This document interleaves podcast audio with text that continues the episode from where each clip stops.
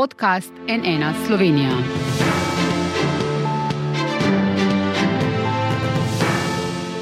Dobar dan, to je NN studio. Že drugič ta teden smo v državnem zboru. Namreč že drugič ta teden eh, so poslanke in poslanci odločali o zakonu o dolgotrajni oskrbi, tokrat po včerajšnjem odložilnem vetu državnega sveta. Pričakovano težav ni bilo, 52 glasov eh, proti in torej ta zakon je v novič potrjen. Veliko več napetosti pa je v koaliciji zaradi azilne zakonodaje, ker ministri niso vedeli, o čem glasujejo, so se strinjali z mnenjem prejšnje Janševe vlade, da so njene rešitve, ki v določenih primerjih suspendirajo pravico do azila, skladne slovensko ustavo. Predsednica republike Nataša Pirc Musar je negativno presenečena, kritičen pa je tudi varuh človekovih pravic Peter Svetina. Kaj bodo v koaliciji storili zdaj? Kako bodo o tem glasovali poslanci? Če bo do glasovanja sploh prišlo, bo imel Luka Mesec zaradi tega težave v svoji levici. Z nami je vodja poslanske skupine Levica, gospod Matej Tašnar Vatovec. Dobr dan, dobrodošli. Naj te, na tej točki povem, da smo seveda povabili tudi predstavnika preostalih dveh koalicijskih strank. V Golobovi svobodi menijo, da je to stvar vlade in notranjega ministerstva. V SD pa sogovornika, čeprav so bili tu, da z danes tudi njihovi poslanci žal niso našli. Gospod Vatovec, če začneva, to zdaj že v bistvu razupito vladno mnenje, da so določbe zakona o tujcih in zakona o mednarodni zaščiti skladne z ustavo, so podprli tudi ministri Levice. Luka Mesec, šef vaše stranke, se je javnosti že opravičil. Ste zdaj že ugotovili, kako se je to zgodilo, kako so lahko ekipe na ministrstvih to spregledale? Um, ja, glede na to, da so v bistvu ministri vseh treh koalicijskih strank eh, na nek način to spregledali, je res potrebno poudariti ta nek detalj, da je bilo to gradivo um, nekoliko skrito oziroma neobičajno postavljeno na dnevni red pri pripravi gradiv med uh, poslanska vprašanja in pobude, ki običajno gredo seveda brez nekih uh, resnih pogledov skozi. Tudi točka, sama točka je bila poimenovana na tak način, da je bilo težko razbrati, da bi šlo za neko sporno zadevo. Tako da jaz mislim, da je tle šlo za neko administrativno, bom rekel, napako, če jo tako poimenujem, ki je mogoče nekoliko zakrila to, to mnenje, to, to samo točko. Je pa dejstvo, da pač, ja, mislim, da bi marsikdo glasoval drugače, če bi bila uvrščena uh, kot posamezna točka, kar bi bila, glede na to, da gre za nek odgovor tudi za ustavno sodišče, uh, posredno, uh, verjetno tudi glasovanje ministric in ministrov drugačno. A pa potem menite, da je bilo to namerno narejeno, da se je zapakiralo na ta način, da pač ministri in ministrice niso tega zaznali, da je, da je ministrstvo za notranje zadeve to storilo namerno? Um, o tem ne bom špekuliral, ali je šlo za namerno ali ne. Um, tudi pripravljalci gradiv so bili običajno drugačni kot, uh, kot sicer, tako da mogoče tudi vprašanje že poletnih dopustov. Tisto, kar je po mojem ključno v tem trenutku, tudi kot prvo podpisan uh, pod zahtevo za oceno ustavnosti, je to, da bodi si, če je to možno, vlada popravi to mnenje, predvsem pa bo glavni akter državni zbor. Državni zbor bo moral pod, kot tisti, ki je zakon sprejel, uh, podati svoj odgovor ustavnemu sodišču in tam verjamem, da bomo vse tri koalicijske partnerice zastavili odgovor na tak način, kot je tudi nakazano v sami ustavni presoji, ker mislim, da vsa strokovna javnost, pa tudi vsi ostali so takrat, ko, je, ko sta bila ta dva zakona sprejeta, tudi zakonodajno-pravna služba je na to opozarjala, da gre za neke resne odstope, ne samo od naše ustave, ampak tudi od mednarodnih, uh, mednarodnih konvencij in aktov, tako da uh, tu bomo seveda absolutno pozorni in uh, če bo če ne bo šlo drugače, popravili v državnem zboru to napako.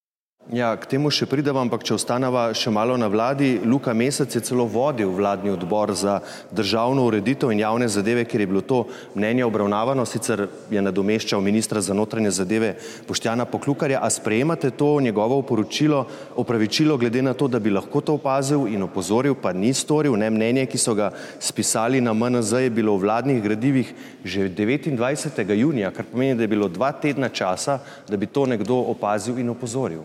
Sprejemate to ministrovo uh, upravičilo? Uh, ja, seveda ga sprejemam in pač tudi razumem, da se uh, napake lahko zgodijo in še enkrat izpostavljam, glede na to, da so praktično vsi ministri to spregledali, ne more biti to na ključje oziroma neka namerna, uh, nameren spregled, tako da seveda sprejemam tako Lukatovo upravičilo kot tudi ostalih ministrov, ki so odgovarjali na novinarska vprašanja v teh dneh, uh, mislim, da tudi uh, gospodarski minister Matjaš Han.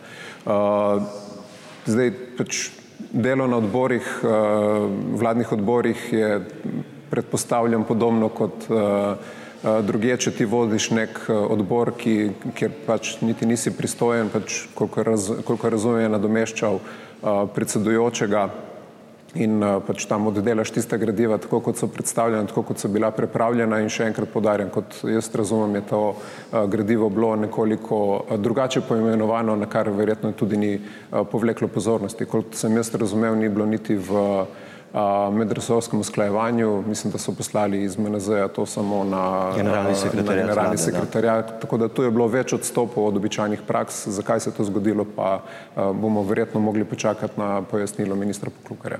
Pa ste včeraj odprli to vprašanje na tem rednem četrtkovem sestanku koalicije, ki ga imate vedno pred sejo vlade, ste se o tem pogovarjali. Kaj vam je povedal premije? Uh, mene sicer ni bilo včeraj na tem koalicijskem sestanku, tako da mislim, da ta točka ni bila odprta.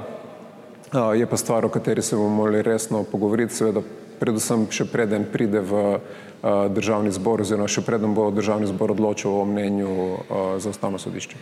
Ja, zdaj tako je, do 6.8. bi moral državni zbor glasovati o tem oziroma odbor za notranje zadeve, ki je za to pristojen.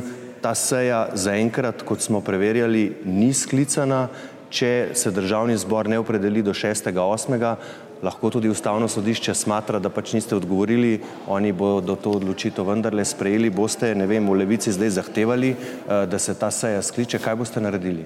Ehm, državni zbor lahko ustavno sodišče tudi zaprosi za ehm, nek odlog, to smo podobno naredili tudi pri eh, ustavni presoji zakona o radioteleviziji Slovenija, Tako da jaz bi tle predvsem rad, da se v koaliciji poenotimo, se dogovorimo, kako naprej, ampak ja, to je točka, ki ne sme iti mimo brez odgovora. No. Skratka, ustavno sodišče bo moralo priti do tudi stališča državnega zbora, ki uh, bi moralo, po moji oceni, tem, pač pritrditi temu, kar je bilo zapisano v, usteni, v, zahtevi za oceno ustavnosti. Ampak po naših informacijah premije v bistvu sledi in podpira stališče ministra Poklukarja. Uh, to smo nekako med vrsticami lahko slišali tudi iz besed ministra, ki prihaja iz kvote svobode, ministra za obrambo Marjana Šarca.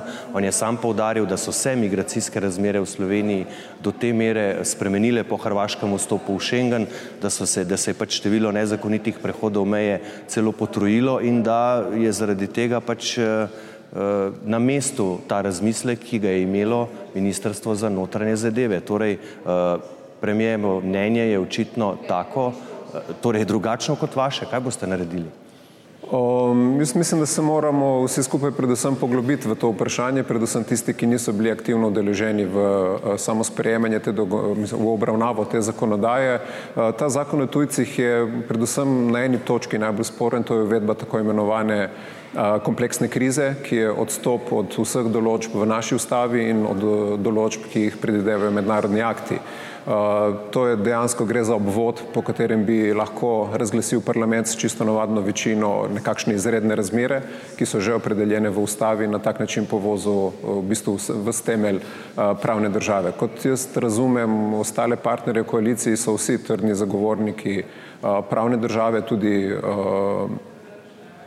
pač teh nasplošno pravnih načel, tudi mednarodnih, tako da tu mislim, da moramo ustrajati tudi na tistem, kar smo ne na zadnje zapisali v koalicijsko pogodbo, predvsem pa obljubljali ljudem pred volitvami v volilnih soočenjih. Ja, prej, ko sem omenjal Marjana Šarca, ne, on je takrat kot poslanec, kot predsednik LMŠ, ki je bila takrat v opoziciji, so podpisal to vašo pobudo, kjer ste bili prvo podpisani za, za ustavno presojo uh, teh členov. Um, Zanima me, kaj se bo zgodilo, če zdaj eh, premije eh, ne upošteva eh, vaših pomislekov, tudi v ESD-u jih imajo, ampak očitno niso toliko, da bi prišli sem pred kamero to povedati.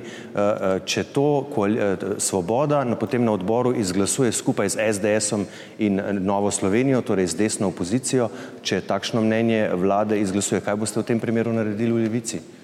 Jaz mislim, da se kaj takega ne more zgoditi po mojih izkušnjah tudi pri usklajevanju vsebin na odboru za notranje zadeve.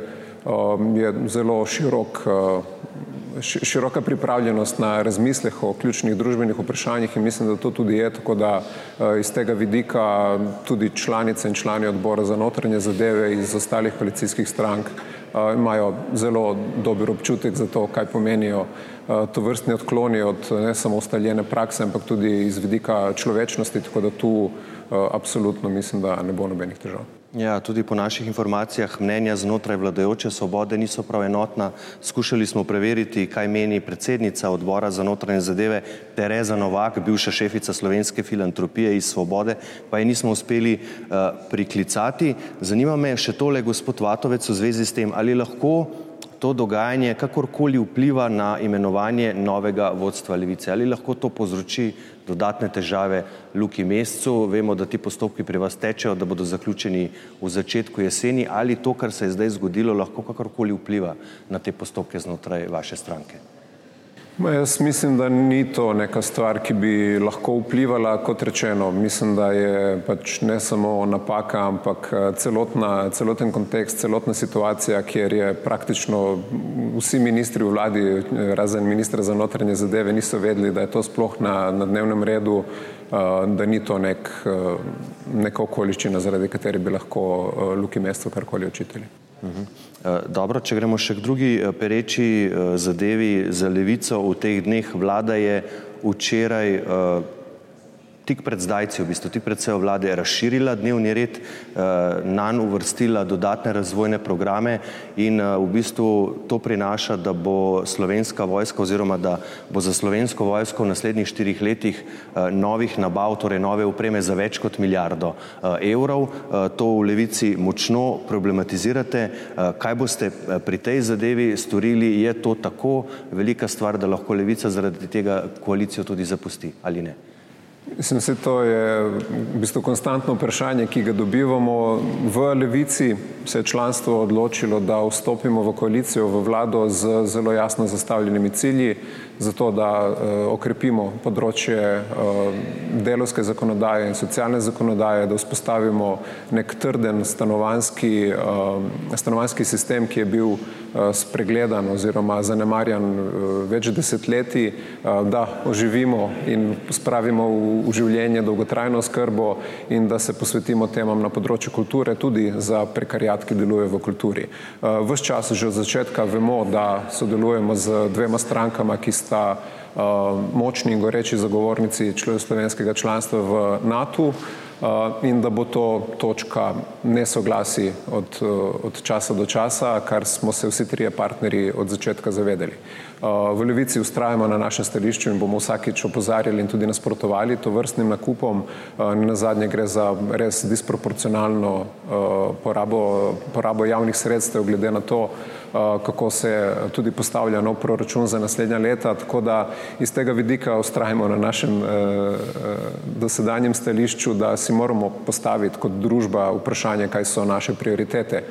Vidimo, da se soočamo z dolgoživo družbo, imamo težave z zdravstvenim sistemom, moramo razmisliti o tem, kako zagotoviti našim državljankam in državljanom čim več z trenutnimi razpoložljivimi sredstvi. In iz tega vidika vsak evro, vsak milijon Eh, vsaka milijarda, ki gre za vojaško opremo, za orožje, ne za recimo opremo vojakov, je za nas eh, evro, milijon, milijarda manj za te družbene prioritete. Ampak eh, kaj boste storili? Boste pač ob vsaki taki zadevi nasprotovali in šli naprej ali boste na neki točki začeli zaostrovati?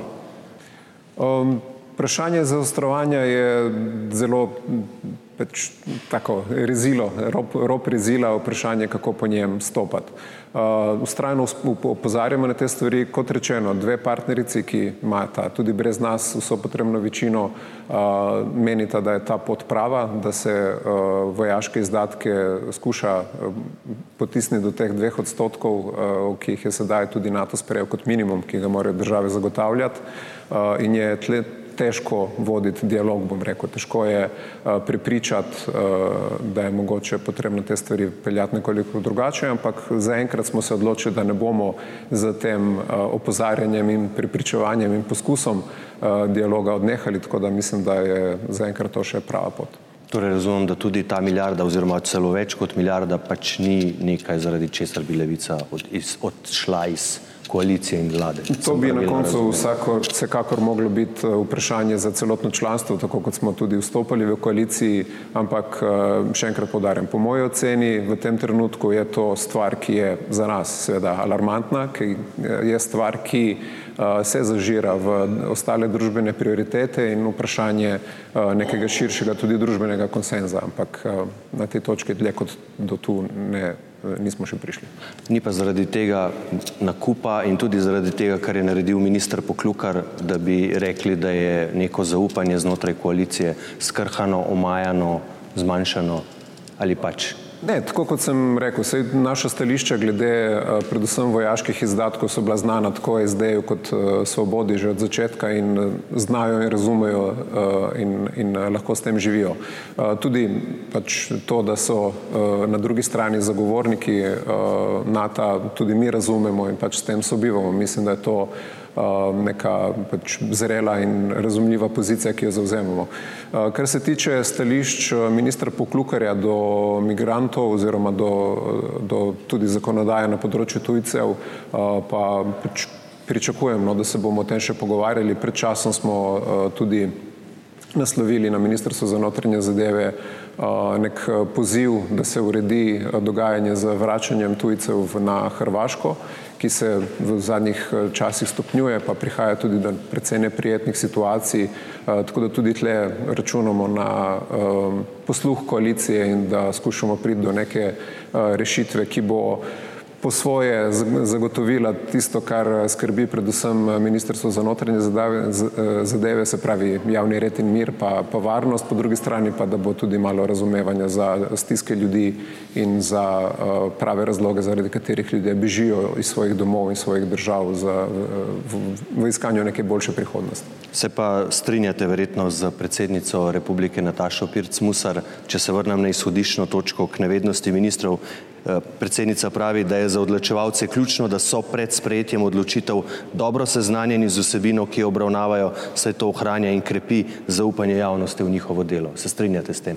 Zagotovo mislim, da bi to morali zahtevati in pričakovati od vseh eh, javnih funkcionarjev, ne na zadnje tudi poslanke in poslanci se uh, soočamo z gomilo zakonodaje iz različnih področji, imamo pa tudi ljudje svoje omejitve. Verjetno čisto vsega ne moremo razumeti, ker tudi čisto vsega ne poznamo. Je pa res, da mora vsak od nas, ki zaseda takšno pomemben družbeni položaj oziroma funkcijo, dati vse od sebe za to, da skuša čim bolj te stvari predelati ali pa se vsaj minimalno seznaniti z njimi, ker ne na zadnje ne odločamo o naših položajih, ampak odločamo o tem, kako bo življenje teklo v državi in bo to seveda tudi imelo neposredne posledice na ljudi. Tako da iz tega vidika seveda je pozornost in natančnost vsakega javnega funkcionarja ekstremno pomembna. Dobro bomo videli, kaj se bo s tem mnenjem eh, oziroma stališčem do teh dveh členov, eh, spornih členov, dogajalo tu v državnem zboru. Za danes pa gospod Matej Tašner Vatovec, najlepša hvala, da ste bili gost